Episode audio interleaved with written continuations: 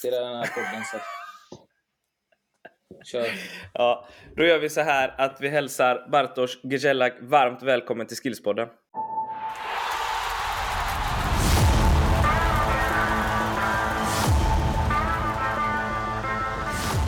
Tusen tack. Kul att vara med. Underbart att Ha dig här.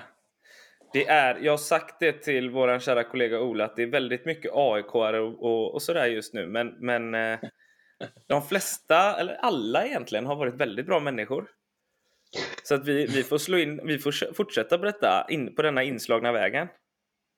Hur känner du Har det överraskat er? Nej, Nej, men- kanske inte jag- överraskat, men Anders har varit lite skakig.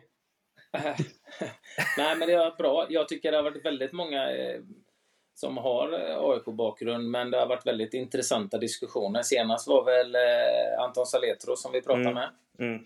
också. Eh, troligt mogen, för han är ganska ung, men det var, var, var intressant att prata med. Väldigt mogen och klok och bra person. Du har ju tränat honom själv, så Ja. att eh, du har ju haft Han- honom. Men det var Ska sägas också att han, han gav väldigt mycket cred till AIK i, i Ja. hur man har släppt fram talanger och vågat spela med egna talanger och egna produkter. Eh, högt upp och även i, i A-truppen. Och det är ju någonting som vi vill se ännu mer av. Jag är ju inne på lite regelförändringar i svensk fotboll till exempel. Eh, ja, det är jag. Det, det står jag fast vid. Eh, det har jag varit innan med Anders, men du kanske har zonat ut i de avsnitten. Men ni, ni har varit väldigt duktiga på det, Bartosz. Ja, nej, men det har väl varit en... Eh, om man pratar AIK som klubb så, så har det väl eh, dels funnits en duktig akademi i bakgrunden. Och det väl, eh, har väl varit nyckeln till att eh, kunna ta fram spelare. Sen eh, AIKs utmaning är ju alltid att det är en klubb med ambitioner att vara i ett topp tre-skikt varje år i Allsvenskan, och vilket man har lyckats med mm, de flesta gångerna senaste decenniet och då ska man ju fostra spelare för den nivån. Eh, Jag tror att det är en rätt stor eh, skillnad på att fostra en spelare för ett lag som kanske bara har ambitionen att hänga kvar i Allsvenskan kontra att försöka vinna ett SM-guld.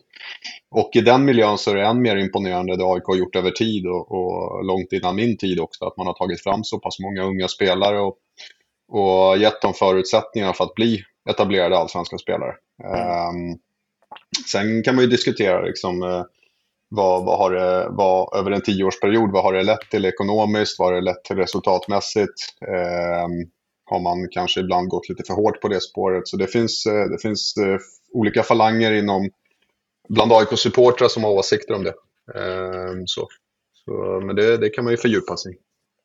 Mm, precis. Eh, jag tror att de flesta har hyfsat bra koll eh, på dig faktiskt. Eh, men du har ju varit, du har haft lite olika roller, assisterande tränare och även huvudtränare och sådär. Eh, Och även spelat i AIK va? Ja, eh, jag kom upp genom AIK seniorer Mm. på förra seklet. Mm. Och så, och så eh, var jag uppe i AIKs A-lag som lärling ett år egentligen. Det var inte mer än så. Nej. Men eh, alltid haft en nära kontakt med klubben. Då. Hur såg det ut i ungdomsåren när du spelade? Har det förändrats mycket? För du har varit tränare också som, som vi pratade om precis för Saletros och sådär. Har det, Ja. har det hänt mycket de åren? Eh, du tänker mellan att när jag spelar i AIK och hur det ser ut i AIKs U-verksamhet nu? Ja, precis. Ja, precis. Jag gjorde ju bara något år i AIKs U-verksamhet då. Eh, Mm. Det som är stora förändringen såklart, det är ju det här med, som AIK gör väldigt bra tycker jag, det är ju att man har alla i sin U-verksamhet, alla spelare går i samma, på samma gymnasium.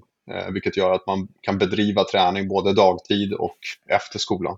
Mm. Ehm, och det ger ju såklart ehm, också bra eh, synergieffekter med A-laget, att man tränar ungefär varje dag. Ehm, det fanns ju inte när jag, eh, när jag kom upp i AIKs A-lag, att eh, spelare kunde skickas emellan eh, U-laget och A-laget på ett enkelt sätt. Nu är det ju så att AIK har ju rätt speciella förutsättningar under säsong med att A-laget befinner sig på en träningsanläggning och U-laget befinner sig på en annan. Så det är inte det här klassiska att man bara kan skicka mellan planerna. Men däremot så är man schemalagd på ungefär samma tider. Eh, vilket gör att i AIK när vi kanske saknade två, tre spelare till A-lagets träning så var det inga problem att ringa in dem på morgonen till att komma till A-lagets träning. Och liksom fylla på med erfarenhetsminuter i A-laget eh, för de här killarna. Mm. Så det, det, är väl en, eh, det är väl en stora skillnaden skulle jag säga, den här skolverksamhetsbiten. Mm. Just det. Och du, du, Bartosz, du, du, är, du kom till AIKs ungdomsverksamhet från BP? Stämmer ja, det? precis. precis.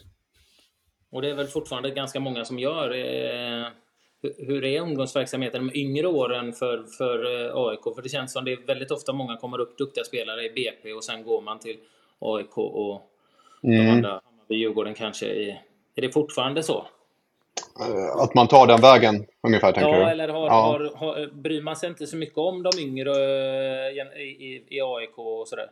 Nej, jag, jag, neråt sådär sett i åldrarna så vet jag inte riktigt hur liksom, eh, strukturerna är eh, mellan eh, verksamheterna. Men däremot så kan jag väl säga att det är ju inte helt ovanligt, precis som du är inne på Anders, att spelare mm. går från Brommapojkarna till de större klubbarna. Senaste åren så har det väl varit mer kanske att Djurgården har ju tagit rätt mycket mark. Mm. det ser vi om inte annat i senaste transferfönstret. Att mm. de har tagit en hel del spelare från BP. Men det, man, det man ska säga med min erfarenhet av BP, det som det som gav mig mycket, jag var ju där mellan att jag kanske var 13 till 16 år och jag var inte alltid i första laget, alltså det som numera kallas akademilag. Men eh, det BP eh, var och har alltid varit väldigt starka på tycker jag, det är att eh, rätt tidig professionalisering och, och sen har det varit diskussioner kring det här med liksom elitsatsning och sådär. Men det jag tog med mig från den tiden det var att jag lärde mig hur, hur är man när man är fotbollsspelare. Liksom, vad behöver du göra för att bli en bra fotbollsspelare? Och sen blev inte jag en kanonspelare, men de gav mig alla förutsättningar för det. Och jag, mycket av den uppfostran har jag haft med mig hela min fotbollskarriär, även som tränare. Ehm, och liksom, någonstans där vid 13 års ålder så tog ju de bort, ehm, kanske inte leken, men de tog bort, de, de, de började tratta in oss mot elitfotbollen. Eh, och det vet jag att många av dem som har gått genom BP har mycket att tacka för. Eh, för att man mm. gjorde så. Sen, sen, vet vi idag att idag finns det ju lite debatt kring det där. Liksom, hur pass mycket elitfokus ska man ha där borta i horisonten för tonåringar? Eh, för, för, min del så, blev det, så jag är evigt tacksam till BP att, de, att jag fick vara med om det. Ja, det, är ju, det är ju en svår nöt som du säger, med 13 år, är det ungefär där man börjar liksom mer allvar. Jag trodde BP ändå gjorde tidigare. Liksom, jag är ju en stor förespråkare av eh, nivåanpassning som vi, vi pratade lite innan du och jag. Jag tycker mm. det, det, är ett sätt eh, och det är skillnad på nivåanpassning och toppning. Men, men däremot så, så är jag ju av den skolan och den åsikten att jag tycker det är bra de håller på med olika idrotter. Eh, för det finns väldigt mycket fördelar med det. Eh, men eh, min, min känsla är ju att om man börjar för hårt för tidigt liksom en sport, liksom, då är det ju svårt. Det blir nästan att det går inte att hålla på med någon annan idrott. Um, och jag vet inte hur, hur, eh, du säger vid 13 års ålder, då känner jag, då kommer det upp i en rätt stor ålder. Det där min son och, och de killarna jag tränar nu kommer upp i. Och nu börjar det ju bli lite allvar. Man börjar få lära dem vad fotboll handlar om och sådär. Det är mm. en rätt rimlig ålder. Men eh, jag har förstått många klubbar, titta här i Göteborg finns det klubbar som redan vid liksom nästan 7-8 år börjar liksom med extrem selektering och det finns liksom ingen möjlighet att hålla på med någonting annat. Eh, vilket jag tycker är lite oroväckande då. Jag vet inte var du står i den eh, synpunkten. Ja, ja, det är väldigt likt här i Stockholm nu har jag ju förstått. Jag, menar, jag har ju också mm. kompisar som har uh, söner vars, som spelar i akademier och sådär. Jag, jag har gjort samma reflektion att det är killar som är nio år som tränar fyra pass i veckan. Eh, var en kompis gäng, jag behöver inte säga vilken klubb, men de åkte på en turnering eh, eh, utomlands och de är nio år gamla, bor på hotell. Eh, pratar med liksom, en, pappan där och liksom, ja, hur ser det ut där borta? Nej, men vi får inte vara på spelarhotellet. Och jag tänkte ju, vad fan, liksom, de här killarna måste ju bli nattade. Liksom. De ska ju nästan ha en godnattdag. De är, de är på spelarhotellet och föräldrarna på ett annat hotell. Alltså det, Ja. Du har ju liksom allt det där som vi drömde om när vi kanske var 15-16, att få åka iväg med laget och bo på hotell. Och det var ju nästa steg i ens, i, i ens eh, drömmar, att bli elitfotbollsspelare. Det gör de redan vid 9-10 års ålder. Mm. Eh, och det laget tränar ju fyra dagar i veckan. Och det ju, ska man bli bra så måste man ju träna mycket, men jag undrar ju vad det gör med motivationen och stegringen i deras karriärer. Mm, och ja. Eh, som du var inne på Anders, då, liksom, möjligheten till att utöva andra sporter. Eh, det, det, det, tycker jag är att eh, nästan ta det till det extrema. Men vi vet ju inte svaret på det här förrän som, vad vet jag, tio år. Så får Nej, vi reda på det är det, det, är det, som, det, som är det, det som är det svåra. Jag är ju lite orolig. Tittar ju själv sådana som höll på med bara fotboll och, och tränade extremt mycket när de var små. Liksom, när, nästan när de kom upp i den åldern, de ska upp i A-laget så, då var de nästan, då hade de varit så fokuserade i nästan i tio år redan och nästan utbrända och nästan trötta på det. Inte alla, och det, det är ju ingen som säger att den vägen inte, inte är, är, är rätt väg att gå heller. Det, kan, det, finns ju så många olika sätt man kan nå framgång. Men jag, jag tycker det är lite intressant att jämföra. Nu spelar min son handboll också då. Sävehof som jag tror är världens största handbollsklubb.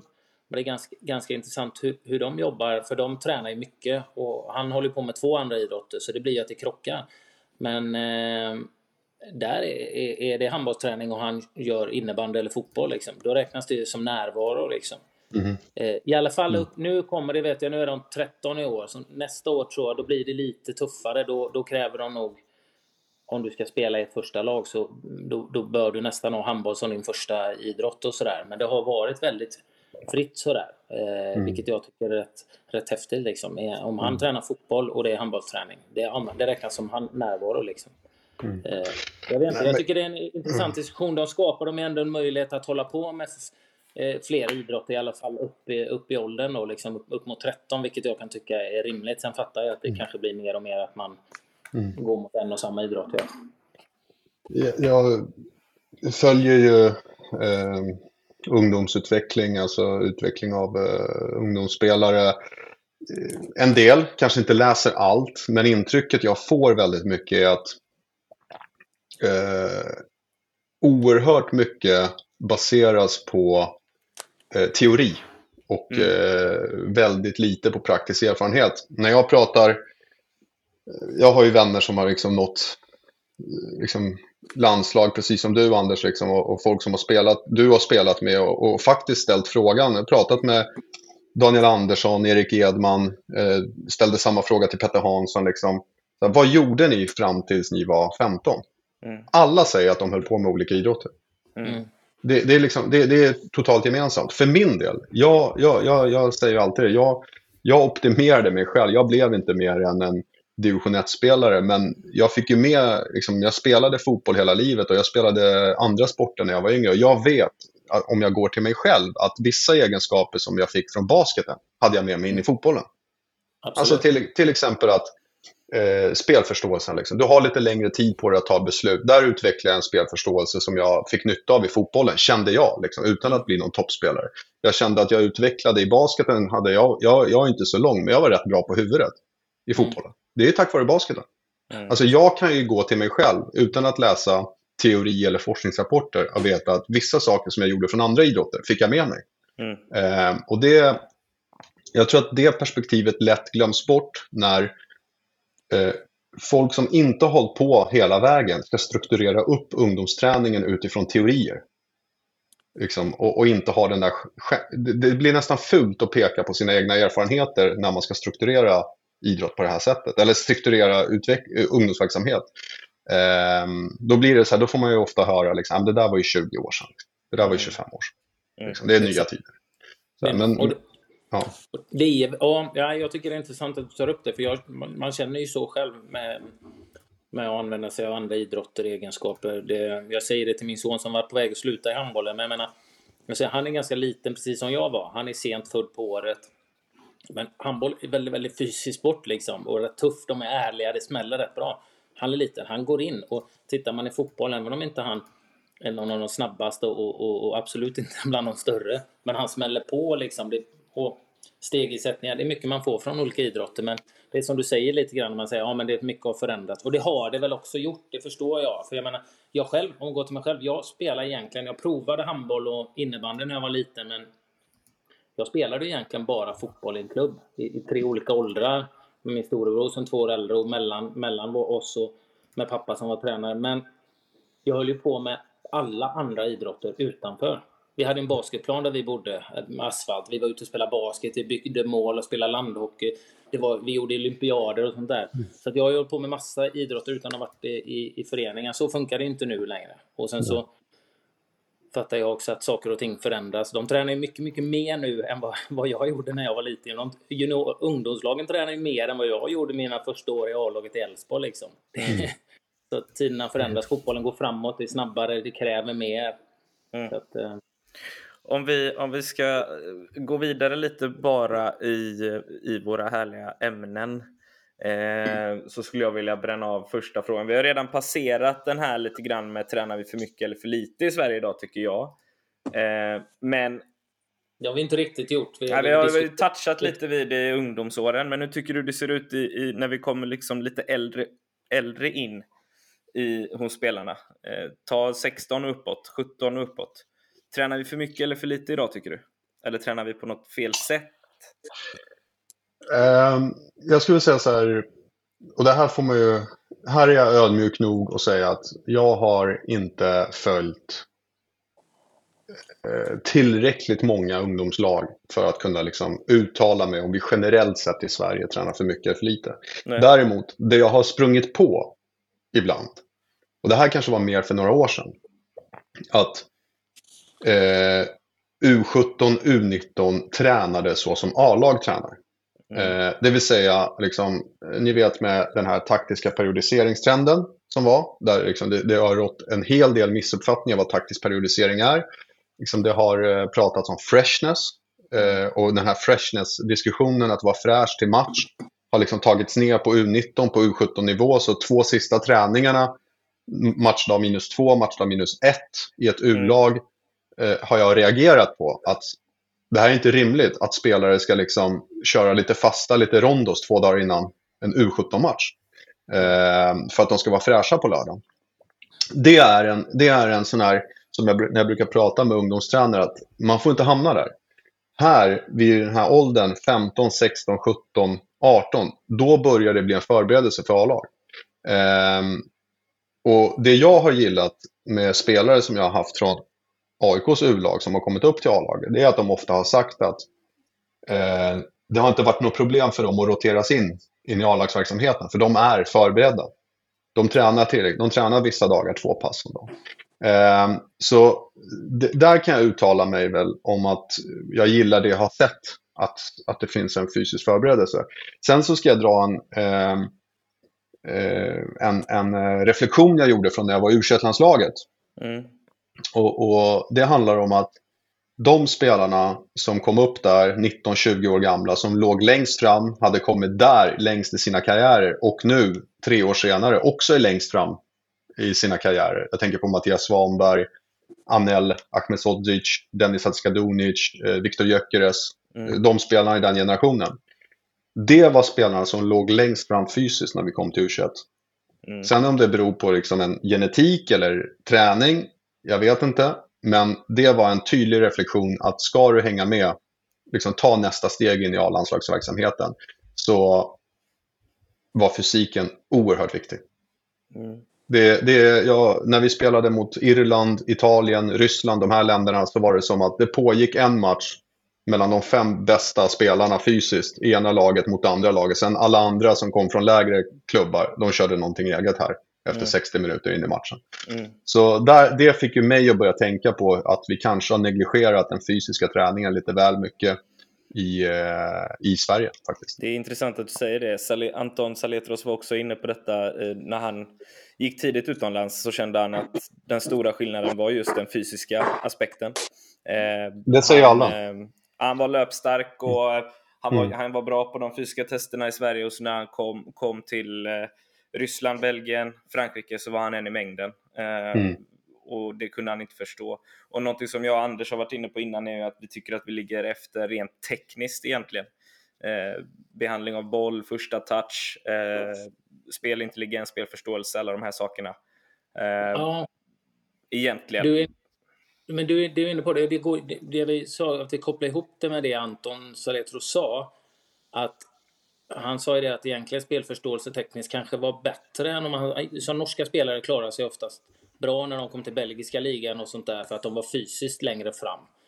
Men det, det som vi kopplar ihop, jag tycker att vi är för dåliga med bollen i Sverige, liksom tekniskt, just att vad du ska göra av bollen innan du får den. Men det kanske vi inte är egentligen, men vi är dåliga i det i ett högre tempo.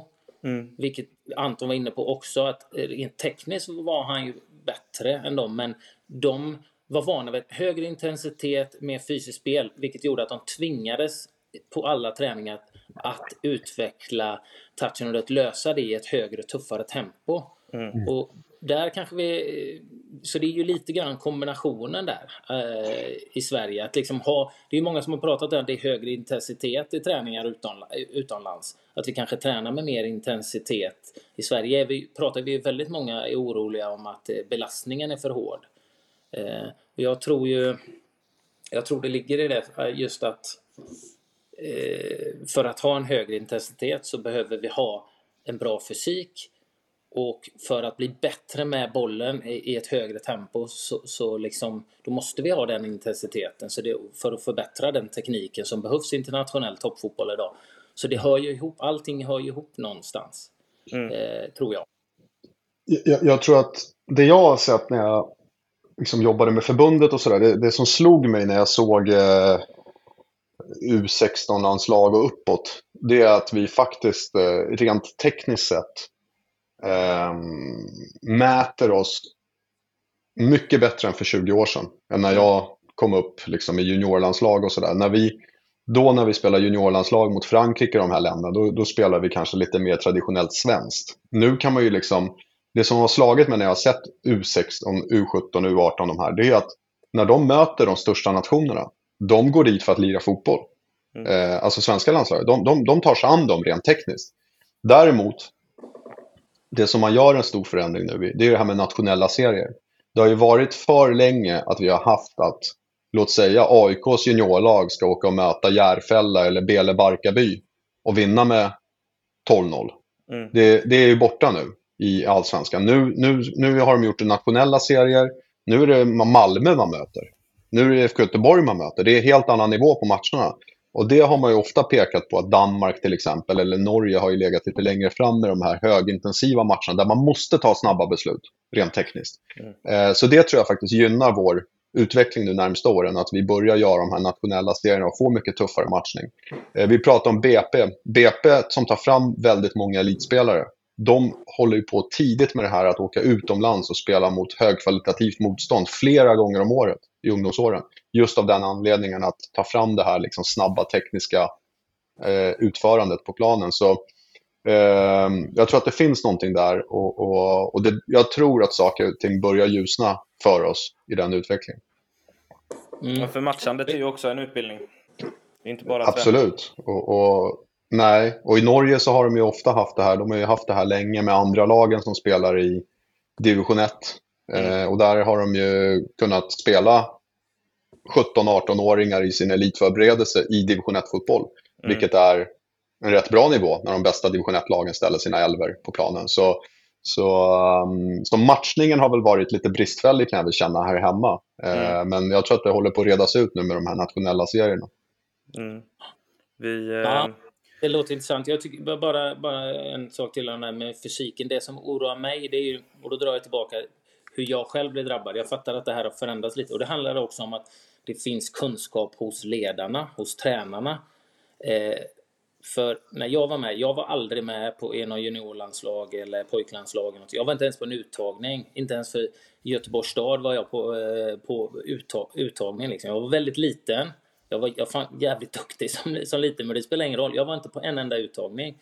Eh, och känslan var, de som var med där i Göteborgs stadslag och sånt där, de var ju stora, de var ju nästan färdigvuxna. Och det mm. är ju det farliga när man tittar i alla fall då, det, det är det jag menar som har förändrats. Men jag ser ju vissa tendenser på det fortfarande här i Göteborg ungdomsfotbollen. Att de, många ledare vill vinna och tänker kortsiktigt. Att man tar de som är längst fram fysiskt. Och då tittar man fel på det och jobbar med det fysiska. fysiska. Men det finns ju väldigt många duktiga små spelare, unga spelare liksom som, som är små till växten men som har bra eh, speluppfattning och så vidare. Och det är jag lite orolig att en del kollar för kortsiktigt just på fysiken. Därför är det ju viktigt med utbildade och kunniga ledare. Jag vet inte, kommer inte ihåg vem det var vi pratade med senast som sa det liksom att jag tror det var någon i BP va, som, som pratade om att de ganska många spelare de har i sina första lag nu är ganska små till växten men duktiga liksom. Och mm.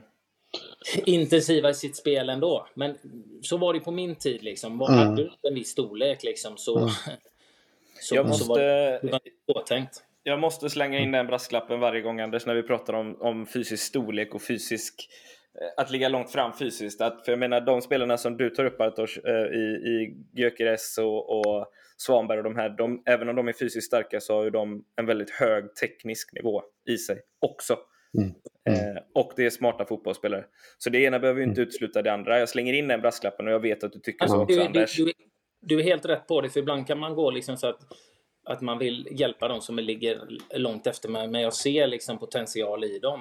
Men för det är eh, också en som vi pratar med från förbundet i podden, det är att en aktion, en som är långt fram fysiskt i sin utveckling kan göra fel i, i aktionen men ändå vinna den här aktionen bara för att den, mm. den är så fysiskt överlägsen. Mm. Och det är ju inte, inte bara att ta hand om de som ligger efter och pusha dem eh, för att ja, du gör rätt och tänker nu du kommer liksom utveckla egenskap. Även de som är långt fram fysiskt måste ju tala om ja du vann den här duellen men du gjorde ju egentligen fel. Att instruera dem, för de, det, det, det är ju ingen nackdel att vara fysiskt långt fram men eh, ibland så upplevde jag i alla fall på min tid, nu är det jävligt länge sedan och jag vet det, och du behöver inte poängtera det Marcus att jag är gammal, men då var det liksom väldigt viktigt liksom att spela med de som var stora, starka, kunde springa och, och, och sådär.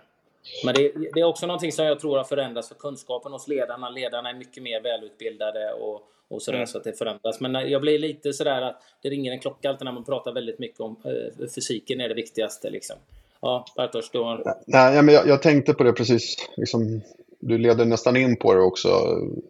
Två aspekter av det egentligen. Det är ju att dels de här som är långt framme fysiskt i ungdomsåren. De blir ofta liksom satta på positioner som ska gynna dem. Eh, vet inte hur många liksom spelare man har spelat med som är någon som är stor, stark och snabb. Han får ju alltid spela nia på sju manna. Liksom, vi måste ha någon där uppe som vi sätter upp. Medan den spelaren kanske hade gynnats av att kanske spela lite in i mitt fält. Kanske spela lite back för att få mm. liksom, den här hela spelaren. Så egentligen så gör man ju dem en jäkla björntjänst genom att spela dem på topp. Långa bollar upp på, på han eller på, på henne kanske också. Jag vet inte, det kanske är likadant i flickfotbollen. Eh, men så, så hämmar man ju deras utveckling. Mm. Eh, genom att pla placera dem i ett fack.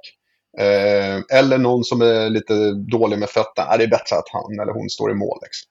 Och så, och så tar man dem i den riktningen. Så det tror jag är det ena som eh, ungdomstränare måste vara obs på. Det andra är det här med att man måste ha lite koll på det här med och beakta det här med fysisk utveckling, framförallt i puberteten. Jag har ju varit med en del i, i landslagssammanhang i den här Future-verksamheten där eh, man tar ut landslag med spelare som, inte lika, som kanske inte har kommit in i puberteten än. Och, och där så märker man ju att eh, precis där kanske du hade hamnat, Anders, i, i, i Future-verksamheten. Eh, mm. För att du kanske var lite mindre senfödd och så. Liksom. Eh, och där har jag tränat eh, till exempel Yasin Ayari som nu gick till Brighton från AIK. Han var ju med i Future-verksamheten. Mm. Eh, August Erlingmark har ju gått genom Future-verksamheten. Mm. Så, så man har satsat på spelare som har tekniskt kunnande men inte ligger liksom tillräckligt långt fram fysiskt än. Och det, det ska man nog ha med sig när man tränar ungdomsspelare. Att både fysiskt och intellektuellt, har man inte kommit in i puberteten så ligger man lite efter och man måste visa hänsyn till det. Um, och det, det, jag lärde mig jättemycket av att träna de spelarna. Men det där, det, är, det där blir ju en form av nivåanpassning också. Då får ju de ett motstånd som passar dem att kunna utvecklas i sin takt och i sin miljö. Ja. Och det är ju det som är, det är det som är det bra. Nu är det Göteborg, nu får ju vi nivåanpassa våra lag. De fyller 13. Det är första gången. Ofattbart i Göteborgs fotbollsförbund att man inte får göra det innan. Men vi ska inte kritisera dem i ännu en podd. Eh, men men, men jag, jag, kanske brinner för det för att jag själv var, som du säger Bertos, jag var den här eh, lilla. Men jag hade bra ledare som liksom gav mig chansen att utvecklas. Och, och jag, har ju, jag, jag vurmar ju väldigt mycket för dem. Jag har ju några yngre eller mindre spelare som jag ser är väldigt duktiga och pratar med dem. Och det, det är klart att spela i svår serie, det är klart att de vill det och de kan vara med där ibland. Men alltså, ni är precis som jag var när jag var liten. liksom, ni är jätteduktiga, jag ser det när vi gör passningsövningar, ni fattar direkt och sådär. Men fysiskt är, det kom, ni kommer få mer delaktighet, mer utveckling och mer liksom eh, aktioner om ni spelar i, i medel till exempel och, och sådär och så provar där uppe några gånger och, och pratar med spelarna. Men det gäller ju att man har den möjligheten att kunna göra så, så med en nivåanpassning eller future-lag och så vidare. Så då, då, tycker jag man är på rätt väg. Mm. Inte Göteborgs fotbollsförbund, men vi får se om det ändras. Ja. Jag har varit på dem lite. De, de är trötta, de svarar inte på mina mejl längre. De gör väldigt mycket bra säkert också, men just det här Mm. irriterar mig. För det, det gör det svårt för oss ungdomsledare. Det vet alla Mm. som lyssnar på den här podden Anders, så det, det är lugnt. Ja. Men det är bra att du vill förklara det för Bartosz i alla fall. Jag har ett par saker som jag vill komma in på och toucha vid eh, med, med tanke på Bartosz erfarenhet också. Och det är Yes. under din karriär, eh, Bartosz, främst då som tränare, eh, hur har fokusfördelningen sett ut för dig i form av att vinna matcher kontra utveckla talanger? Och det behöver inte kanske bara vara liksom utifrån din egen filosofi, utan det kan ju bero på klubben såklart också. Ja, precis. Um... jag har ju lite olika erfarenheter där. Jag menar, eh, när jag höll på med Frej i division 1 och superettan och var både tränare och sportchef så var jag ju tvungen att liksom ha på mig båda kepsarna hela tiden, den långsiktiga och den kortsiktiga. Eh, som tränare så ska du vinna i helgen och som sportchef så ska du liksom producera spelare. Eh, det var ju nyttigt för mig och jag la i min, i min egen vardag så la jag mycket tid på de här yngre spelarna och vi hade framförallt några yngre spelare med som eh, eh, var utländska importer eh, Mm. som jag la mycket tid med. I AIK så kanske det handlar mer om att eh, där kom det ju mer från klubben såklart. Där var jag ju bara tränare. Men eh, mycket, stor del av mitt arbete i AIK la vi på hur ska vi utveckla de unga spelarna. Ehm, och vi hade, jag säga, dagliga möten om hur det går för de unga spelarna och dagliga eh, planeringar till nästa dag för de unga spelarna. Ehm, och jag skulle säga att eh, om jag får slå mig på bröstet så bar det frukt. Eh, Mm. För att många av de här spelarna har redan gått iväg till eh, klubbar utomlands och slagit sig in i vinterturné i A-landslag och sådär. Ehm, så procentuellt sett är det nog svårt att säga det, men det har varit en stor del av mitt, eh, mitt tränarskap att fokusera på de här unga spelarna. Kanske också liksom för att jag kände att jag inte, liksom, man har med sig någonting från sin egen uppväxt, att man kanske inte riktigt fick chansen eller det, Mm. eh, uppmärksamheten man hade behövt. Att jag se lite dem. extra. Ja, men lite så. Framförallt i AIK där jag har liksom igenkänning från när jag själv kom upp i AIKs A-lag och knappt någon hälsade på en. Mm. Eh, varken tränare eller spelare. och Så där. Så, så det, det, har ju, det har ju förändrats. Det är liksom en mer välkomnande atmosfär att komma upp i ett allsvenskt A-lag idag än vad det var för 20 år sedan. Men däremot så eh, försöker jag alltid lägga ett stort fokus på att, och lägga tid på att välkomna spelare som kommer upp i A-laget för rotationsträning, berätta lite vad som förväntas, ge lite feedback och sen självklart jobba med de som redan är kontrakterade. Hur, eh, hur matchade man de unga spelarna och slussade in dem? Fick de liksom Fick de lira mycket A-lagsfotboll? Fick de spela kvar i sin ungdomslag och matchas där och gå upp och träna med A-truppen? Eller hur, hur slussar man in dem? Lite olika. Ehm, dels så eh, hade vi eh, i AIK så hade vi kontinuerliga möten, tränare emellan både U och A. Sådär, och vi hade rotationsscheman. Eh, så vi hade egentligen två spår för att komma upp i A-laget, om vi börjar där. Det ena kallar vi rotation och det andra kallar vi för sparring. Eh, rotation, då var det liksom schemalagt att spelare X ska komma upp i två veckor och träna med A-laget. Sparring kunde handla mer om att A-laget ska träna nu inför en specifik match. Vi behöver fem spelare från U-laget för att komma upp och sparras. Mm. Eh, skillnaden där i var att med rotation då blev det ju mer uppföljning med spelarna. Att så här, hur gick det på träningen? Vad kan du göra liksom, till nästa gång och så vidare. Medan sparring var mer bara för att komma upp och känna på det. Jag gillade ju de här två formerna för att den här sparringen framförallt ger ju A-lagsminuter gratis. Eh, du får liksom komma upp och träna mot Sebastian Larsson och John Guidetti. Eh, och det ger ju någonting. Sen rotation, det är ju mer en belöning och att man liksom pushar fram en individ. Eh, så det är liksom själva att komma upp i A-laget. Sen de spelare vi hade i A-laget, det är ju ett problem med matchningen för att vi inte hade något B-lag. Mm. Eh, det vi försökte göra kontinuerligt, det var ju att sätta upp träningsmatcher. Så vi hade väl som målsättning att sätta upp en sex stycken träningsmatcher med lag i närområdet. Sirius till exempel och, och Norrköping och så. Eh, men också faktiskt arrangera matcher mot U19. Eh, träningsmatcher under säsongen för att få liksom, matchminuter i benen. Eh, så det var ju själva matchningsprocessen. Ehm, och sen så får de ju lite landskamper och sådär. Men det, den, den, stora delen vi diskuterade jättemycket, det var så här, hur ska vi få dem att spela fler matcher? Mm. Det var svårt. För har du väl också tagit upp en spelare i A-laget på ett A-lagskontrakt så är det svårt att skicka ner dem till en U19-match. Mm. Det är det. det. det. finns jäkligt mycket intressenter runt de här unga spelarna. Att eh, Det är till exempel agenter som inte gillar det. Det, är liksom, det sätter en etikett på spelaren. Vad gör han i U19 nu? Han ska ju mm. tillhöra A-laget. Mm. Eh, så det finns ju liksom den diskussionen som du måste beakta också. Eh, vilket för mig är sådär... Inte fan sitter man och tänker på det som sportchef för en annan klubb. Att oj, han spelar en U19-match här. Nej. tänker man väl bara är positivt. Liksom. Ja, men, men, det finns intressenter runt spelarna som inte gillar att man skickar dem mellan lagen. Nej, vi, jag, jag fastnade lite i det. Vi, vi hade nog Alexandersson som gäst för, för ett par veckor sedan. Eh, som, som påpekade det att absolut när han, när han skrev A-lagskontrakt som, som väldigt ung och kom upp i Blåvitt eh, så var det svårt att få ett bra matchande för honom. Eh, mm. Han skickades ner till ett U21 till exempel för att få matchande mm. i benen. Eh, men fick då möta ett annat U21 varpå deras A-lag hade skickat ner spelare som kommit tillbaka från skada eller behövde komma upp i matchtempo och sådär. Och de var ju lite försiktiga. Det blev liksom inte tävlingsmatch av det. Så det blev mm. per automatik ett lägre tempo, en lägre intensitet och Noah då som, som, som fightades för en plats i, i allsvenskan och A-truppen. Han kände liksom inte att det gav honom det matchandet som han behövde. Eh, inte på den mm. nivån. Mm. Eh, så att jag, jag har fastnat lite i det också. Så här. Det, blir, det, blir inte ett, det blir ett bra matchande för att man får lite spring i benen och lite bolltouch och sådär. Men det blir, inte, det blir inte serie och tävlingsintensitet i de matcherna ändå. Nej, och det där är en utmaning. Jag, jag gillar ju det eh, Hammarby har med HTFF, där mm. de har ett division 1-lag och de, de, kan liksom slussa spelare mellan lagen. Jag tror att det, det kommer ge någonting på sikt. Jag vet att AIK har ju startat ett division 7-lag nu som tanken nu ska ju ta sig upp hela vägen.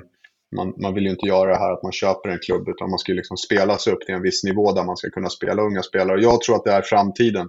Mm. Um, det, det är svårt det här, för jag menar, med, är du 19-20 år, tillhör IFK Göteborg och så vill du ge dem matchning, eh, då ska du egentligen skicka dem till ett division 1-lag.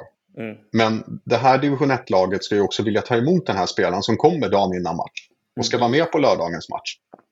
Förstår ni vad jag menar? Och de har ju sin mm. egen verksamhet och då kanske de tycker, vad fan är det här? Nu kommer en spelare från IFK Göteborg här som ska spela innerfältare imorgon. Mm. Och det är liksom inte alla division 1-klubbar som ser värdet i det, att ta emot spelare från stora klubbar bara för att ge dem matchning. Vad ska de få ut av det? Om inte det är så att de har en stor spelarbrist. Mm. Så, så jag tror att ha ett eget lag som Hammarby har, eh, det är nog eh, vägen framåt.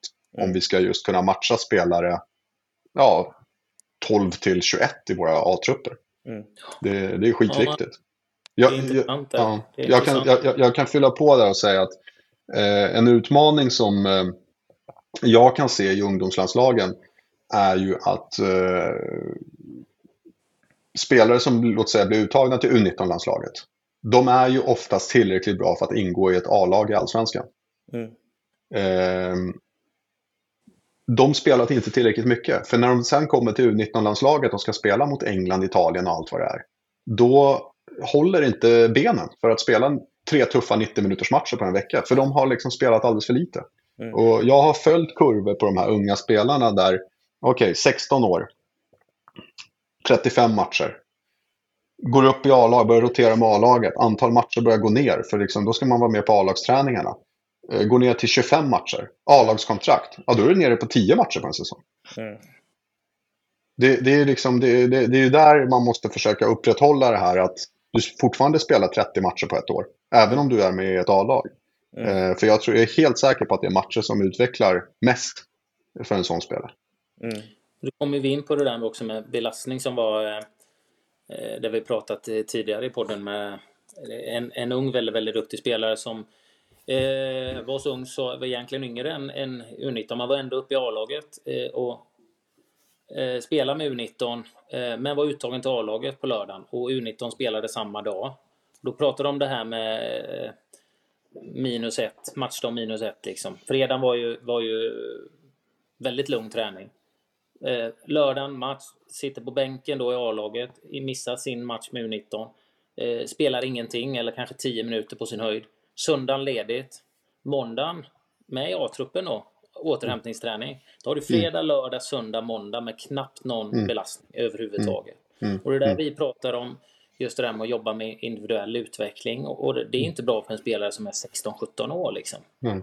Att missa fyra dagar där liksom. Eh, och det är det vi frågar liksom, om man jobbar med individuell träning och individuell utveckling. En, så, en sån för väldigt många som har hört, i och med att vi jobbar med individuell eh, teknikträning och intensiv träning så, så är det ju många som erfarna tränare i klubbar som, som du själv har varit som är oroliga för belastningen och jag fattar det. I Stockholm finns det så många olika individuella aktörer och det är svårt att ha koll mm. mm. på, på de här olika aktörerna. Men om man har en bra dialog mm. med klubben där de vet okej, okay, här har vi en kille som 17, han, han, han fick inte spela någonting här i helgen. Han behöver mm. köra ett individuellt pass. Mm. Liksom. Kan vi styra upp det? Han behöver jobba på det här, upp med intensiteter. Att ha ett samarbete, för det är ju det vi hela tiden har hävdat. Eh, mm. Liksom, att ha ett, ett samarbete med, med klubbarna. Komma mm. in på det här med, med belastningen. Liksom. Att, mm. att, inte få tillräckligt med matcher eller mm. inte få tillräckligt med träning för att man är lite emellan två lag. Liksom. Mm. Mm. Det, det, är ju klubbar, jag, jag tycker ju att klubbar Eh, stora klubbar eh, bör eh, ha en transition coach som liksom följer spelarnas, eh, liksom individuellt pinpointar och ser exakt hur spelarnas belastning ser ut över tid. För när det är det här klassiska, ja, men det är en U19-tränare som ska prata med en A-lagsstab. Det faller alltid mellan stolarna. Mm. De kan få liksom tre högintensiva pass i rad, alltså dagar i rad, som ett misstag. Eller att de, precis som du säger Anders, de får ingen högintensiv träning på fyra, fem dagar. För att det liksom inte finns resurser och någon som följer upp det här. Mm. Um, och då det, funkar det alldeles utmärkt med att ha en extern part som, som kommer in och hjälper till med det. För alla klubbar har inte resurser till detta. Uh, men, men uh, jag, jag, tror att det där är väldigt vanligt förekommande. Att spelarna får mer än 50% av en vecka lågintensivt för att de följer en A-lagsperiodisering. Det är, eh, och det är, tror jag, rent ut sagt eh, åt helskott om du ska satsa på att bli en etablerad elitspelare. Mm. Ja. Hur, eh, hur har ditt fokus sett ut? Då får man väl titta på klubbfotboll kanske mestadels i alla fall med tanke på att du inte har så mycket tid med landslagsspelare i ungdomsåren som du har när du är klubblagstränare så att säga. Men hur har, hur har fokusfördelningen sett ut på individuell träning kontra lagträning. I, de I klubblag? Ja, precis. Ja. Jag tänker, du har väl inte så mycket tid med spelarna i en landslags, Nej. landslagssammanhang på det sättet? Nej, där handlar det ju mer om att eh, liksom få alla att eh, förstå någon spelidé och göra redo för match. I klubblag, eh, jag tycker personligen att den staben som jag hade i AIK la ju väldigt mycket tid på, ungdoms, eh, på de unga spelarna i laget, ska jag säga. Eh, I tid eh, så kan jag väl säga att vi varje dag hade extra träning med unga spelare efter ordinarie A-lagsträning. Jag hade ju två assisterande i, i, runt mig, så en av de assisterande var ju direkt, hans uppgift var ju att träna de unga spelarna. Och det skedde ju inte bara i att eh, liksom på något spontant infall att så här, vill du skruva några i bortre eller klassiska liksom, efter träningen 15 minuter. Utan eh, Martin Falk då, som var en av mina assisterande, han, han satt ju ner med alla spelare, de här unga killarna och pratade om deras, vad han såg var deras behov och vad de själva ville göra och så vidare. Och så satte han ju ihop ett systematiskt schema. Så varje dag när vi planerade vår träning så hade vi liksom en, ett schema för den ordinarie verksamheten Och sen längst ner, efter träningens slut, ja, då kunde det stå mina initialer, BG, eh, spelvändningar tillsammans med de här två unga mittbackarna. Andreas Janmyr, eh, inlägg. Eh, Martin Falk, eh, jobba som halvvände i spelyta 2 med de här spelarna. Så liksom, det fanns ett schema hela tiden, varje dag, hur vi, vad vi gjorde var, efter varje träning. Mm. Eh, och sen så har vi fystränare på det också som hade individuella program för, för eh, spelarna. Mm. Eh, så jag skulle säga att tidsmässigt så, utan att försaka A-lagets eh, liksom, resultat, så, så la vi mycket tid på de unga spelarna. Helt mm. klart. Känner du att du hade en tillräckligt stor stab för det under den perioden? Det är ju det, det, är det man har när man är i en sån stor klubb som AIK Eh, mm. Jag, jag, har liksom full respekt för att det, så ser det inte ut överallt. Mm. Dessutom så hade vi ju resurser från akademin. Jag menar, tog vi upp fem, sex spelare från U-laget upp till A-lagets träning så kunde vi till och med få med oss U19-tränare eller mm. eh, någon som liksom kunde hjälpa till med det här under träning eller efter träning. Så eh, resurserna är ju stora. Sen så tror jag att man kan alltid skylla på resurserna. Sen måste man vilja ha ambitionen själv. Mm. Eh, det är jäkligt lätt att säga att nu eh, nu, nu har inte vi tid med det här. Eh, men jag tycker som heltidsanställd tränare så har du oftast tid. Och framförallt om man kanske är två, tre stycken i en stab så har man tid. Eh, egentligen så är det väl därför du har betalt för att ha tid. Ja. Eh, sen, sen, så får du väl fördela om det övriga arbetet om du tycker att du inte har tid. För då kanske du gör för mycket av något, något annat. Utan att lägga tid på dina unga spelare för mig är bara en hygienfaktor. Mm. Hur, hur, säger du Bertil, som jag säger som um, det här med kravställningen i svensk fotboll har jag alltid varit ganska hård på när det gäller fysik och styrka. Det pratade jag mm. om innan. Eh, och, um, jag vet ju själv när jag, när jag spelade, man gjorde ju konditionstester och styrketester. Först var det ju bara konditionstester. Mm. Och eh, det är väl ingen skräll att jag inte låg i topp där. Och då fick jag ju vara med i pommes frites-gruppen. Nej, jag fick komma, jag fick komma in extra, eh, en ledig dag i helgen och, och, köra löpning. Vilket var fine, för det var ju någonting som jag behövde. Jag hade inte det naturligt, naturligt löpsteg och sådär. Eh, sen kom ju styrka, man gjorde styrketester och sånt där. Men jag var inte helt enkel spelare att ha att göra med tror jag för tränarna. Eh, men jag ifrågasatte ju det. Jag sa det är fine, sa jag. Det, jag är inte tillräckligt bra på det här testet eh, om man tittar snitt var jag ska ligga. Så det är fine, jag behöver detta. Det är bra för mig. Men jag, så kunde jag ju peka på de här fem, sex spelarna då som, som inte har tillräckligt bra teknik och inte kan slå tillräckligt bra passningar. Varför får inte de komma in på lördagen och den hjälpen liksom? Eh, och du pratade ju själv lite grann här innan om eh, du gör ett upplägg. Hur ni tränar olika aktioner och olika moment med olika spelare. Men någonting som, som jag tycker är intressant som, som Marcus och en eh, kollega till oss som eh, också är väldigt eh, förtjust i, i svartgula laget från Stockholm tagit fram, vilket jag tycker är intressant och jag skulle vilja höra din syn på det. De har ju tagit fram, och jag har varit med lite grann i kanten, och, och, och där, ett, eh, ett liknande test som BIP-test och, och det här, fast där du mäter din spelförståelse och din touch där vi försöker samla in data på unga spelare eller spelare för att se var man kan ligga. För det, jag tycker själv det skulle vara ganska intressant och bra eh, att ställa krav på tekniken och touchen och spelförståelsen i Sverige också. Och har man en möjlighet att göra ett sånt test med, med, med lag och komma och göra det och sen kanske träna individuellt och sen följa upp det och se utvecklingen. Vad, vad, vad, tycker du om det? Din syn på det? Skulle det vara någonting som skulle vara användbart för, för dig som tränare för ett lag till exempel? Ja, men det, jag har reflekterat mycket över det. Att eh, mycket av det vi kan mäta inom fotbollen och mäter mycket är ju de fysiska värdena. Eh, mm. Vi har ju liksom varit dåliga på att mäta de, de, vad som kallas de mjuka värdena. Men egentligen är ju de hårda värdena i fotbollen. Det är ju tekniken och spelförståelsen och allt det här. Eh, sen att, så det, det, tycker jag att för att ha en referens och för att ha någonting att eh, kunna visa som motivation till en spelare. Att liksom, kolla, det här kan du jobba på extra. Eh, så tror jag att utöver tester, som det hade varit intressant att se hur sådana tester går till, men då, då skulle jag också vilja titta lite grann på kodningen av matcherna, där man kanske kan få fram statistik. Och idag så är det ju faktiskt så att man kan ju också lägga pengar på att skicka film på sitt lags match till en extern part, om man inte vill koda själv, så kan man liksom räkna låt säga för en mittfältare, antalet gånger som den här spelaren vänder upp med boll och spelar en passning framåt. Eh, och använda den typen av eh, statistik. Eh, jag tror att hockeyn har kommit rätt långt på det. Eh, jag tror att fotbollen är liksom på väg. Eh, och det, där får du automatiskt ett test från matchmiljö. Liksom, hur många gånger spelar spelare X bollen framåt eller vänder upp eller kommer till avslut i goalzone eller. Och så vidare.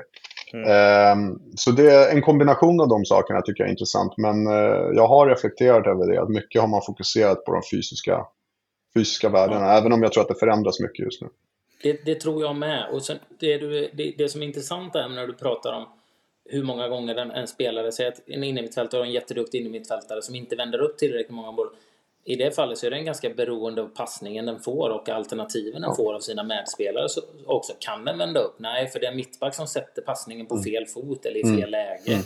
Mm. Det, är också, eh, det är också lite svårt att, att, att mäta från, från matcher om man inte har med sig helheten. Men vi mm. hade ju en tränare från England som var med i podden som, som sa det att skillnaden från att träna i Sverige till, till att komma till England där han upplevde att det var i Sverige har vi väldigt hårda krav just på att kunna löpa och det fysiska. Men inte så mycket krav på det tekniska, kunna slå passningar tillräckligt hårt och, och, på rätt fot och kunna behandla bollen tillräckligt snabbt. Det var ju hans stora överraskning när han kom dit, att kraven på spelarnas teknik var mycket högre än vad det var, han upplevde att det var i Sverige då. Detta var på mm. damsidan, men jag tänker att jag, mm. tror, jag tror det är, det är liknande på här sidan också. Har varit i alla fall. Men jag vet också att mycket mm. blir bättre hela tiden. Det beskriver mm. du själv från din egen mm. erfarenhet såklart. Mm. Nej, men jag tror att det är en eh, absolut eh, nyckel att ha den kravbilden. Jag tror också att det är en vetskap till eh, de som jobbar med akademier, hur man coachar sina coacher i akademierna. Um, jag tror att Ehm, det vi ser just nu som en stark trend i coaching är att det teoretiska, liksom att kunna skriva ut ett pass i PowerPoint eller Keynote, göra en snygg presentation av vad som ska ske på träningen, eh, instruktionspunkter. Eh, du kanske har sett, många har sett en eh, cool video på Twitter om hur Frankie de Jong vänder upp. Och liksom, alltså förstår du, den informationen, folk är jäkligt duktiga på, vi lever i ett informationssamhälle. Men sen när jag har besökt träningar, att se en tränare stoppa en övning och säga här kliver du in i alldeles för hög fart i den här presssituationen. Mm. För här kommer du tappa kontrollen över den här mot en situationen, exempelvis. Eller som du var inne på Anders, här sätter du upp bollen på fel fot på den, på den här spelaren. Du ger inte kollegan möjlighet att vända upp. Och de egenskaperna som tränare, de eftersöker jag ännu mer på ungdomsfotbollen. Att gå in, bryta, instruera, ställa krav. Och inte berömma eh, fel saker eller hålla på med 30 olika instruktioner under en övning. Eh, liksom fokusera på det som ska, ska vara rätt. Och det tror jag, det är mitt tips. Jag, jag menar, jag har ju, har ju blivit lite äldre tränare nu. Jag, jag, får en del unga tränare som kommer till mig och vill ha tips och sådär. Bli en duktig instruktör. Det, det, fan, det saknar jag lite grann. jag håller med dig. Det jag tycker det är precis det du tar upp, att våga liksom frysa och förklara liksom. Och gärna kanske till och med demonstrera liksom skillnaden. Om du släpper bollen tidigare eller att du bromsar upp innan. Det finns så, så mycket du, och du kan, kan visa på, på ett sätt och instruera. Det är så otroligt, otroligt viktigt.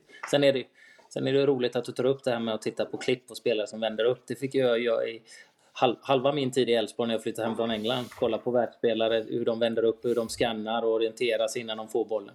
Sen gick vi ut och tränade två månader på fys och försvarsspel. Så det var en bra video att se i alla fall. Vem var du som tränare då? Haglund, eh, Jörgen Lennartsson. Det var flera av dem som, som jobbar med det. Inspirationsvideo, första samlingen i januari. Det är bara dina favoriter ju. Nej, men jag gillar, det är duktiga tränare. De har gjort jättemycket för svensk fotboll. Men jag tyckte det var intressant. Men jag vet ju också att vi lär oss hela tiden. Och Bartosz då som är yngre tränare, liksom, även om du blir till åren också. Vi börjar ju bli det. Du är lite yngre än mig. Men... Han är yngre än du, men, ja. Precis. Men jag tycker det är intressant att du tar upp det. För jag tycker det är så viktigt att om vi visar de här sakerna som är viktiga i världsfotbollen, att vi också går ut och, och tränar på det och instruerar. Det är mm. så otroligt viktigt att prata och instruera. Mm. Att få bra instruktörer och utbilda våra ledare. Det är fantastiskt om uh, unga tränare kommer till Bartosz och får den utbildningen, att vi kan utbilda våra ledare.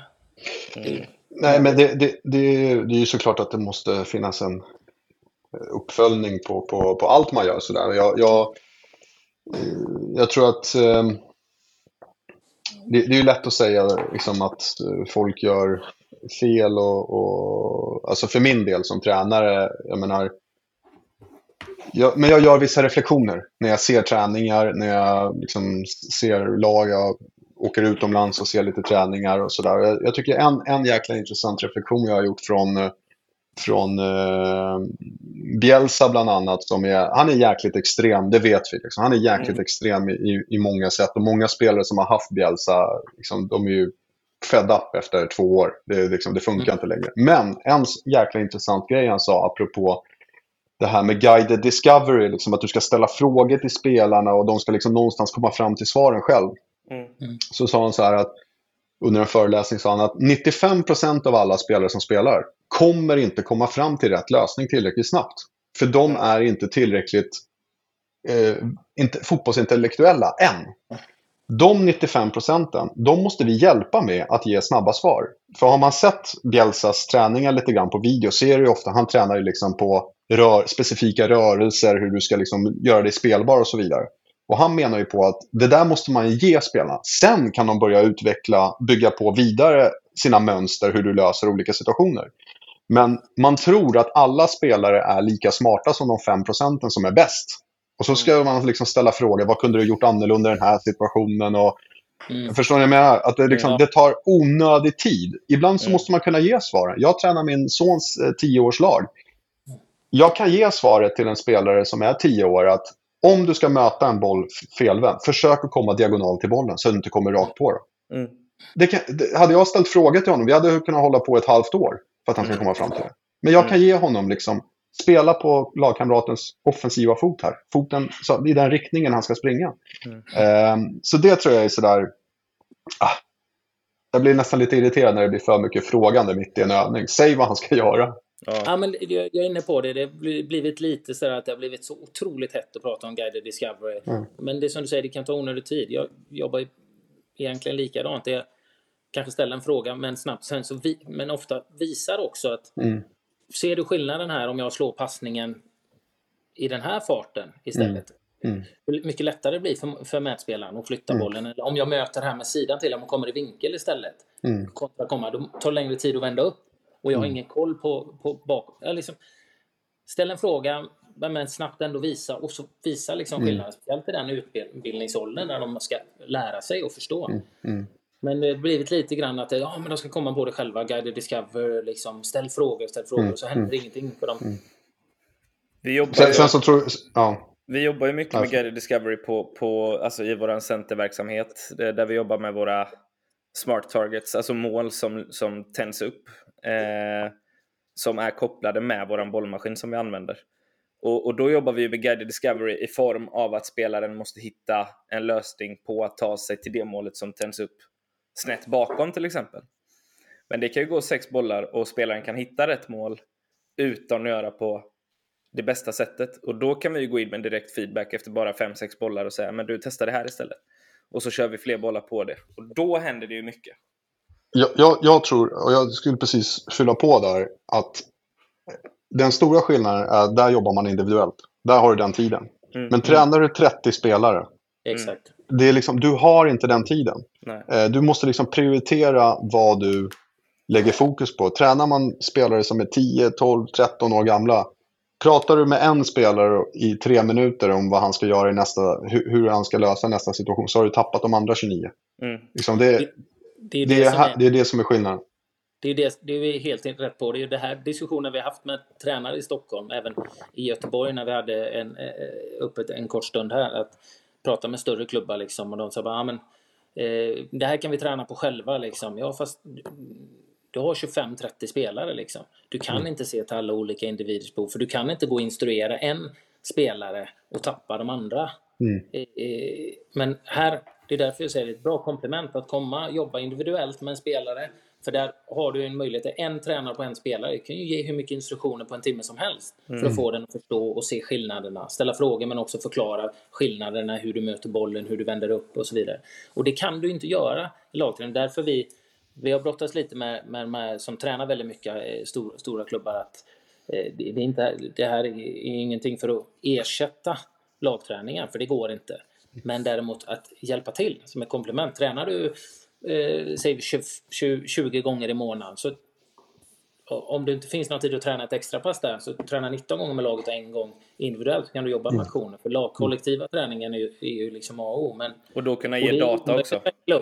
Det är, ja, du kan ge data, men det är också omöjligt för, för, för dig som tränare som har ansvar för 30 spelare att bryta ner och, och ge 40 minuter till en enskild spelare. Det går ju inte.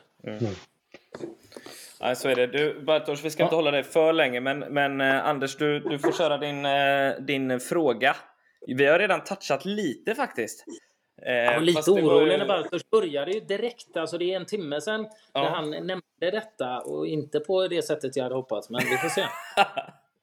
Nej, Men Bartosz, du kanske kan ändra mig för jag håller ju på att förbereda träning också för mina 13 12-13-åringar idag. Och då eh, kan det vara så att jag kan behöva hjälp med övningar. Min standardfråga som de har sagt nu i 20 avsnitt att den ska tas bort, men eh, den är fortfarande kvar. Eh, så min fråga är helt enkelt, Rondo, du var inne på det tidigt. Eh, kvadrat är, är inte ord jag gillar, men rondo, rektangel, possessionövningarna. Är du för eller emot? Och varför? Jag är för. Det finns jättemycket gott ur det. Eh, det jag har själv eh, experimenterat mycket med det och eh, testat mycket både på A-lag, ungdom och så vidare, eh, barn. Eh, och jag tycker att man får ut jättemycket av det. Sen så, sen så tror jag att, eh, att ehm, eh, i den klubben som min son spelar så börjar man väldigt tidigt, alltså från eh, sex års ålder, att introducera Eh, rondo. Eh, och har gnuggat det jättemycket och det har nästan varit eh, förbjudet att göra isolerade teknikövningar, eh, alltså i form av passningar eller teknik. Och då har jag efter fyra år noterat vad är skillnaden mot andra lag i samma ålder som också förmodligen har kört mycket rondo men har också kört individuell träning. Det är att min sons lag ligger efter. Eh, för de, eh, liksom, rondo i all ära, men om inte sex av tolv spelare i laget kan ens passa en bredsida, då blir det jäkligt svårt att träna på rondo. Men jag tycker rondo som övning och possession, det kör jag mycket i olika Mm. former. Gott svar. Gott svar. intressant. Intressant. Ja, det är väl ingen idé att diskutera varför, varför den frågan har kommit upp eller? Nej, du behöver inte ta det igen. Det har du, vi är uppe i, på 30, vad är det, snart 36 avsnitt så är du nog uppe i en två timmar och bara förklara varför den frågan finns. Eh, Ja. Så att det behöver vi inte ta då. Det kan du ta vid sidan av till Bartosz någon annan gång kanske. Ja, jag gör det. Du Bartosz, när, när, eh, när får vi se dig? Du är ju klubblös idag. Eh, När får vi se dig eh, träna ett lag igen? Eller i någon annan roll? Vad önskar du själv? Mm, nej, men jag vill tillbaka som tränare.